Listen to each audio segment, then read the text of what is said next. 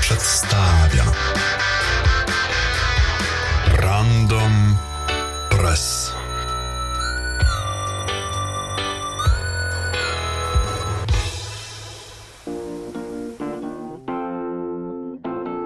Kiedy czerwiec deszczem płacze,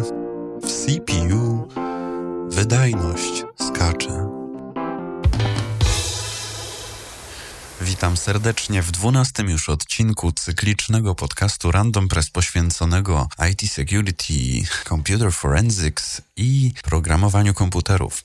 Dzisiejsza audycja nieco opóźniona z powodu dwóch materiałów, które ukazały się w ciągu ostatnich dwóch tygodni. Pierwszym była reakcja na dokument braci Sekielskich, tylko nie mów nikomu, a drugim wywiad z Danielem Janusem poświęcony językowi programowania Clojure. Zaczynamy wesołą informacją podaną przez ZDNet. Okazuje się, że przez 8 ostatnich miesięcy programiści projektu Tor, The Onion Router, czyli znanej sieci anonimizującej, nie próżnowali, tylko opracowywali wersję specjalnej przeglądarki przeznaczonej dla systemu Android w Google Play Store. Można już znaleźć Tor Browser dla Androida. Przeglądarka pozwala w bezpieczny sposób, e, w bezpieczny w rozumieniu bezpieczeństwa dla prywatności użytkowników, komunikować się, odwiedzać witryny webowe, a także ukryte usługi samej sieci Tor. Wcześniej użytkownicy, którzy pragnęli zachować anonimowość podczas odwiedzania różnorakich zasobów, musieli korzystać z Orfoxa, trochę mniej zintegrowanego sposobu na uruchomienie Tora na Androidzie. Teraz wystarczy, że pobiorą odpowiednią przeglądarkę i już mogą cieszyć się anonimizacją. Dla niezorientowanych sieć Tor, czyli The Onion Router, jest taką siecią w sieci. Co to oznacza?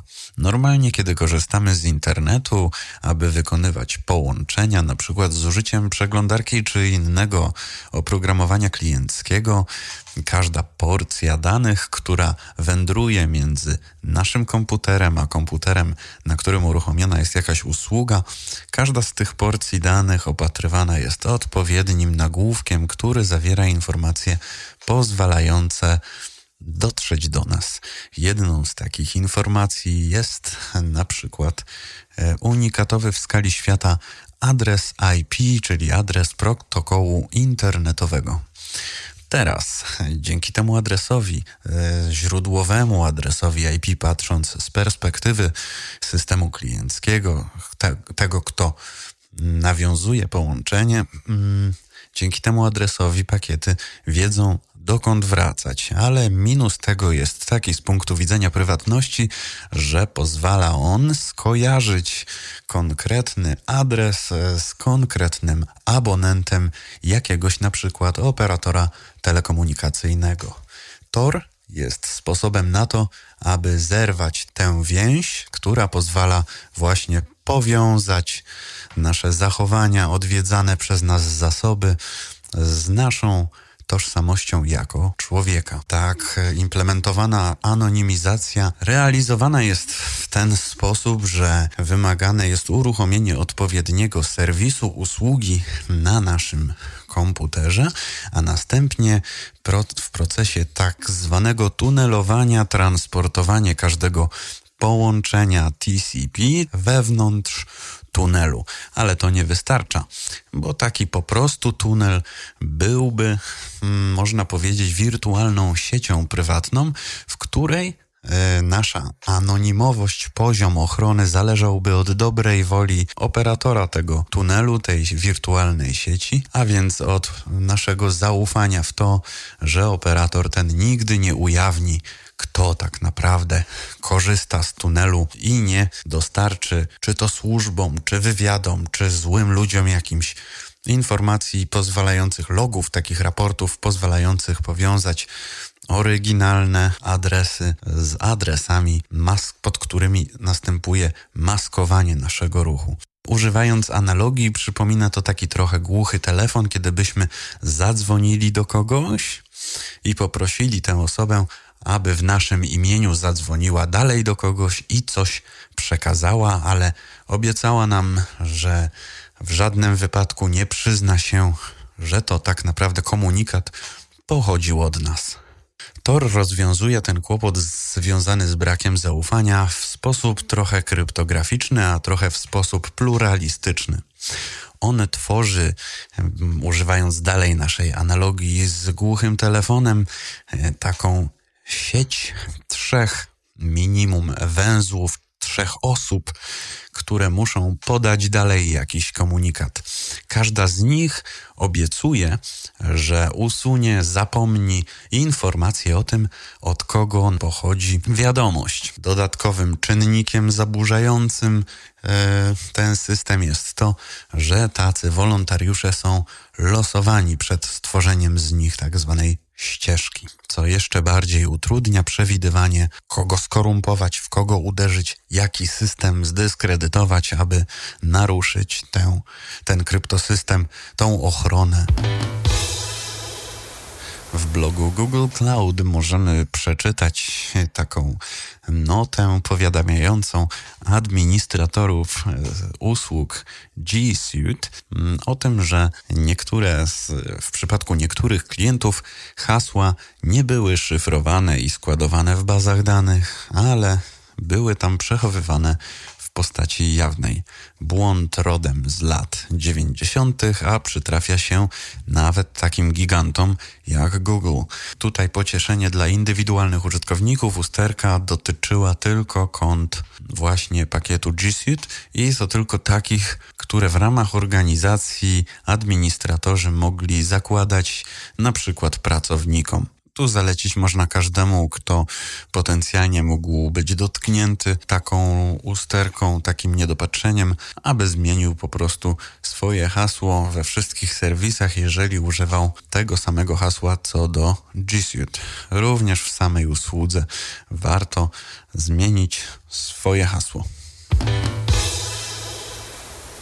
Powody do zmartwień mogą mieć użytkownicy procesorów Intela. Serwis Extreme Tech podaje, że mogą spodziewać się oni nawet pięciokrotnego w stosunku do na przykład posiadaczy AMD spadku wydajności kiedy producenci systemów operacyjnych wdrożą łatki chroniące na zasadzie obejścia przed atakami typu Spectre i Meltdown. Zanim przejdę do jakichś e, krótkich statystyk jeszcze na ten temat, może warto przypomnieć sobie, co dokładnie te ataki oznaczają. Meltdown mm, powoduje, że w, dochodzi w procesorze do złamania takiej izolacji między danymi aplikacyjnymi a systemowymi.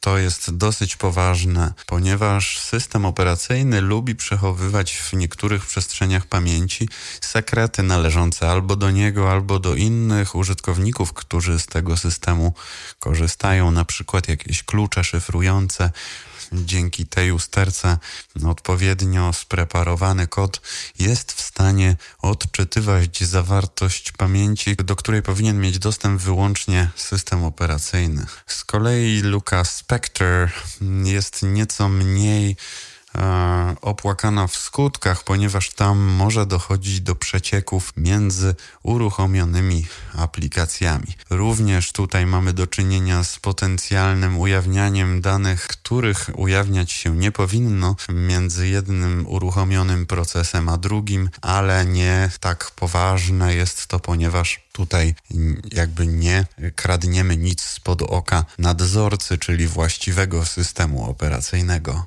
Istotą tych luk są ataki wymierzone w takie optymalizacje nowoczesnych procesorów, które polegają na zrównoleglaniu pewnych operacji, aby maksymalnie jakby wysycić zdolność tego procesora do przeprowadzania obliczeń.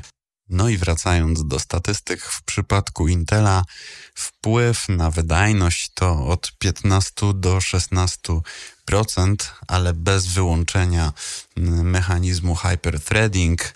Kiedy jego wyłączymy i zyskujemy pełną ochronę, wtedy spadek wydajności to nawet 20%. W nieco lepszej sytuacji są posiadacze procesorów AMD, gdzie nie trzeba wyłączać hyperthreadingu, aby zastosować ochronę. W przypadku tych procesorów mamy do czynienia z około 3% spadkiem wydajności, kiedy wszystkie obejścia zostaną zastosowane serwisie Wired możemy przeczytać o tym, że y, badacze bezpieczeństwa trochę martwią się tym, jak popularny wszemi wobec y, protokół Bluetooth czyni urządzenia podatnymi na ataki. Używają go wszystkie nowoczesne telefony komórkowe, a także wiele innych urządzeń, telewizory, komputery stacjonarne, komputery przenośne itd., tak itd. Tak Protokół Bluetooth pozwala na przykład w łatwy i prosty sposób uruchomić bezprzewodową łączność między zestawem słuchawkowym a telefonem komórkowym bądź laptopem. W publikacji możemy przeczytać na przykład o tym, że Blueborn, taka luka odkryta w 2017 roku, no, miała wpływ na negatywny na blisko 5 miliardów komputerów biurkowych, telefonów i urządzeń IoT. Jeden z badaczy, Ben Seri, zwraca uwagę, że powodem tego, iż w Bluetoothie znajdowane są luki, jest poziom skomplikowania tego protokołu. Im więcej komponentów, tym więcej potencjalnych miejsc, gdzie może coś pójść nie tak. Badacz zwraca uwagę, że podstawowy standard Bluetooth opisany jest na blisko 3000 stron. Jest to, przypomnijmy, około 10 razy więcej niż specyfikacja sieci bezprzewodowych Wi-Fi. Badacze podsumowują, że Bluetooth powoli z takiego typowo konsumenckiego protokołu zaczyna wędrować do segmentu Enterprise i przypomnijmy, nie chodzi tutaj o statek kosmiczny z popularnego serialu science fiction. Chodzi tutaj o prawdziwy biznes, gdzie wykorzystanie usterek może być naprawdę opłacalne w sekcji CoinMonks serwisu Medium możemy przeczytać smutną historię autora, który stracił 100 tysięcy dolarów, e, będąc e, głównym bohaterem ataku Simport. Żeby wyjaśnić, czym są ataki typu Simport, warto wspomnieć o procedurze Simporting. Polega ona w skrócie na przeniesieniu numeru między jednym a drugim operatorem telefonii, a bazujący na niej atak jest kombinacją technicznych i socjotechnicznych metod.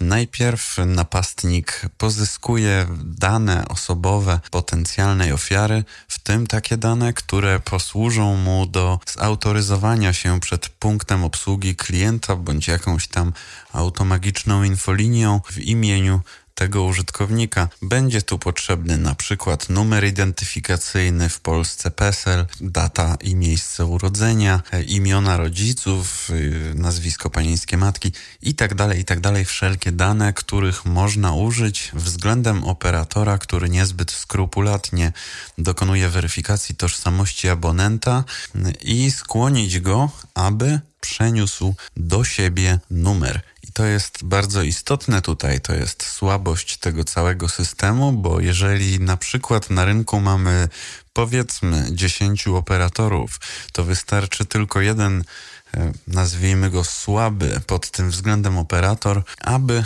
takiego ataku dokonać i nie musi to być operator użytkownika.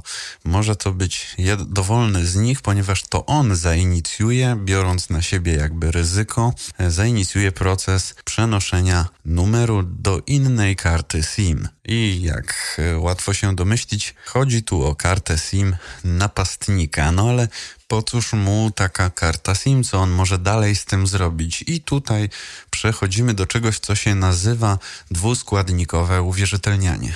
Polega ono na tym, że serwisy internetowe, aby chronić swoich użytkowników właśnie przed atakami często weryfikują tożsamość, kiedy on się próbuje zalogować, posługując się nie tylko tym, co on wie, czyli jakimś sekretem, hasłem, ale również tym, co on ma. A co on może mieć? No, ma na przykład telefon komórkowy i jakiś przypisany do niego numer. Traktuje się więc ten telefon z tym numerem i kartą SIM, do której ten numer jest przypisany, tak jakby był to fizyczny składnik, który powiązany jest zawsze z tym samym użytkownikiem. I w tym celu, podczas sprawdzania, czy mamy do czynienia naprawdę z tym użytkownikiem, za którego logujący się podaje, wymagane jest podanie hasła oraz na przykład kodu wysyłanego przez SMS. Potencjalny napastnik, kiedy dokona takiego przejęcia numeru telefonu przeniesienia na własną kartę SIM, jest w stanie, jeżeli wcześniej poznał, złamał lub w inny sposób wszedł w posiadanie hasła użytkownika, zalogować się w jego imieniu do wielu wrażliwych usług zacznie na przykład od e-maila i stamtąd będzie mógł uzyskiwać dalszy dostęp. A jak? Ano na przykład w ten sposób, że najpierw może użyć funkcji resetowania hasła, które wtedy wymaga już tylko coś, tego, co się ma czasami zadaje jakieś proste pytanie kontrolne, często pokrywające się z pozyskanymi przez napastnika danymi osobowymi i kiedy już zresetuje to hasło i zaloguje się na przykład do skrzynki odbiorczej ofiary, może na przykład zażądać resetu hasła w innych serwisach. Problemem jest tu poleganie na zaufaniu do operatorów sieci telefonii komórkowej i traktowanie numeru telefonu, który de facto jest pewnego rodzaju abstraktem, jako coś fizycznego, jako fizyczny składnik, który osoba naprawdę ma. Bo kiedy spojrzeć na to nieco bardziej precyzyjnie, mm, wcale nie udowadniamy tym swoim telefonem komórkowym, e, że względem zdalnego systemu, że jesteśmy tym, za kogo się podajemy, bo coś mamy. My tego numeru telefonu nie mamy, to w naszym imieniu operator telefonii komórkowej jakby umożliwia nam zautoryzowanie się jakimś kodem, to na tym zaufaniu w relacji abonent-operator opiera się w tym akurat przypadku całe to dwuskładnikowe uwierzytelnianie. Jeśli chodzi o ten drugi składnik, iluzja e, tkwi tu w tym szczególe, że użytkownik wcale nie kontroluje tego numeru telefonu, kontroluje go operator tak naprawdę i to nie użytkownik poświadcza, że coś ma, poświadcza to numer telefonu. W artykule znajdziemy e, ładnie wykonane infografiki, które ilustrują, jak wygląda tożsamość sieciowa, jak wygląda ten atak, a w końcu taka mała analiza powłamaniowa z e, osią czasu, na której mamy przedstawione kolejne kroki podejmowane przez napastnika. Tak na szybko, co można poradzić słuchaczom Random Pressa, to po prostu to, żeby nie traktowali numeru telefonu jako coś, co mają. Bliższe temu, co się ma, są na przykład tokeny kryptograficzne, które wyświetlają co kilka sekund bądź minut zmieniają jednorazowy kod. Jeszcze bardziej bezpieczne są na przykład aplikacje, w których też wyświetlany jest jednorazowy kod. Najbezpieczniejszym mechanizmem OTP, bo tak się na to mówi, One Time Pad, są po prostu papierowe bloczki jednorazowego użytku, implementowane na przykład jako lista haseł bądź zdrabka. To jest naprawdę coś, co się ma. I ciekawy projekt z GitHuba użytkownik Wesker Food proponuje nam swoje małe narzędzie nazwane Delete FB. Chodzi o usuwanie, masowe usuwanie wszystkich swoich postów e, z serwisu Facebook. Ale co ciekawe, tutaj fajna jest implementacja tego, mianowicie ten narzędzie, które zostało opublikowane, jest tak naprawdę scenariuszem, skryptem drivera webowego Selenium. Działa to w ten sposób, że w przeglądarce, na przykład Firefox czy Chrome, możemy zainstalować taki dodatek Selenium WebDriver E, i tenże dodatek pozwoli odpowiedniej zewnętrznej aplikacji, komunikując się z nim, zlecać wykonywanie pewnych czynności tak, jakby wykonywał je użytkownik. Korzysta się z tego na przykład podczas automatycznego testowania oprogramowania webowego, serwisów webowych, czasami nawet jakichś stres testów itd. Tak E, w tym momencie nasza przeglądarka staje się robotem, którym można zdalnie sterować, również w trybie headless, czyli takim, że nie widać jej okna, a ona tam wewnętrznie e, sobie jakby klika podług tego, co opisano w scenariuszu. Ciekawy projekcik, jeżeli komuś wadzą opublikowane przez niego posty na fejsie, to może sobie skorzystać, przetestować takie narzędzie i wtedy one odejdą w niebyt. No może nie taki do końca niebyt, bo żyjemy w czasach, gdzie nic tak naprawdę nie ginie, ale przynajmniej przestaną być widoczne dla każdego.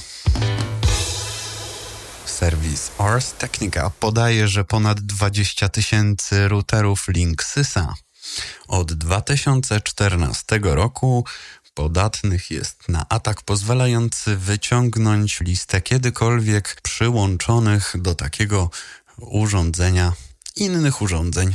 W publikacji znajdziemy pełną listę modeli dotkniętych usterką.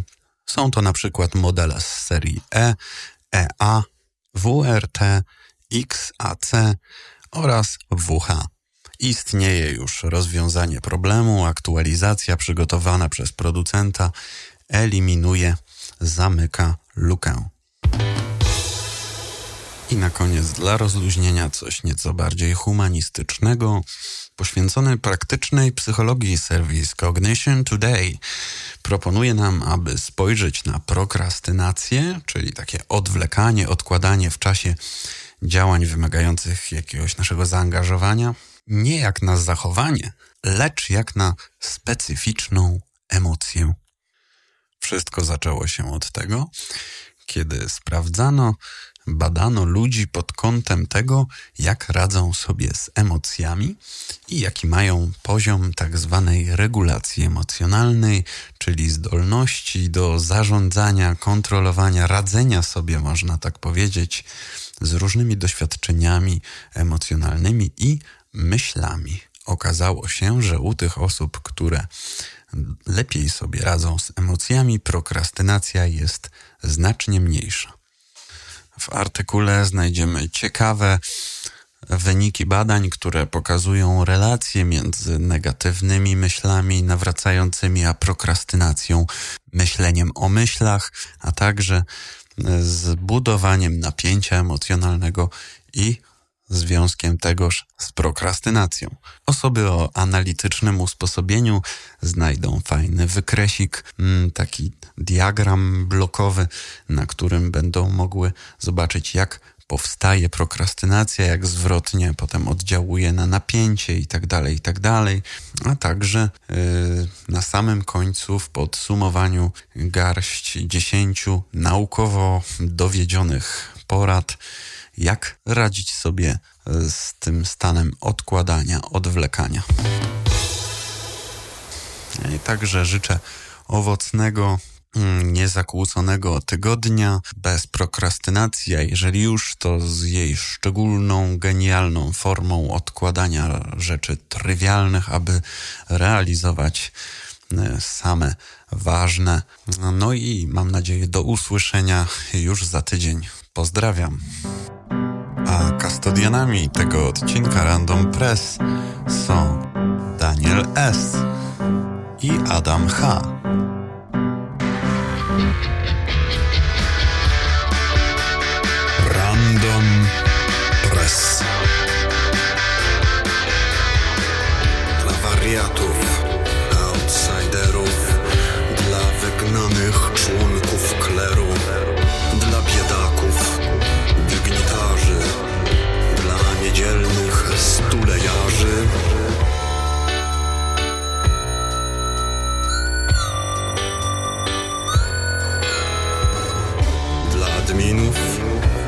programistów, agile'owych teamów 300, dla DevOpsów, pentesterów, top-notchowych bug hunterów, dla hakierek i hakierów, klożurystów i lisperów.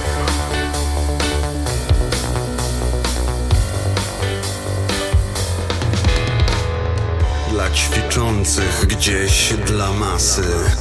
Randomowy przegląd prasy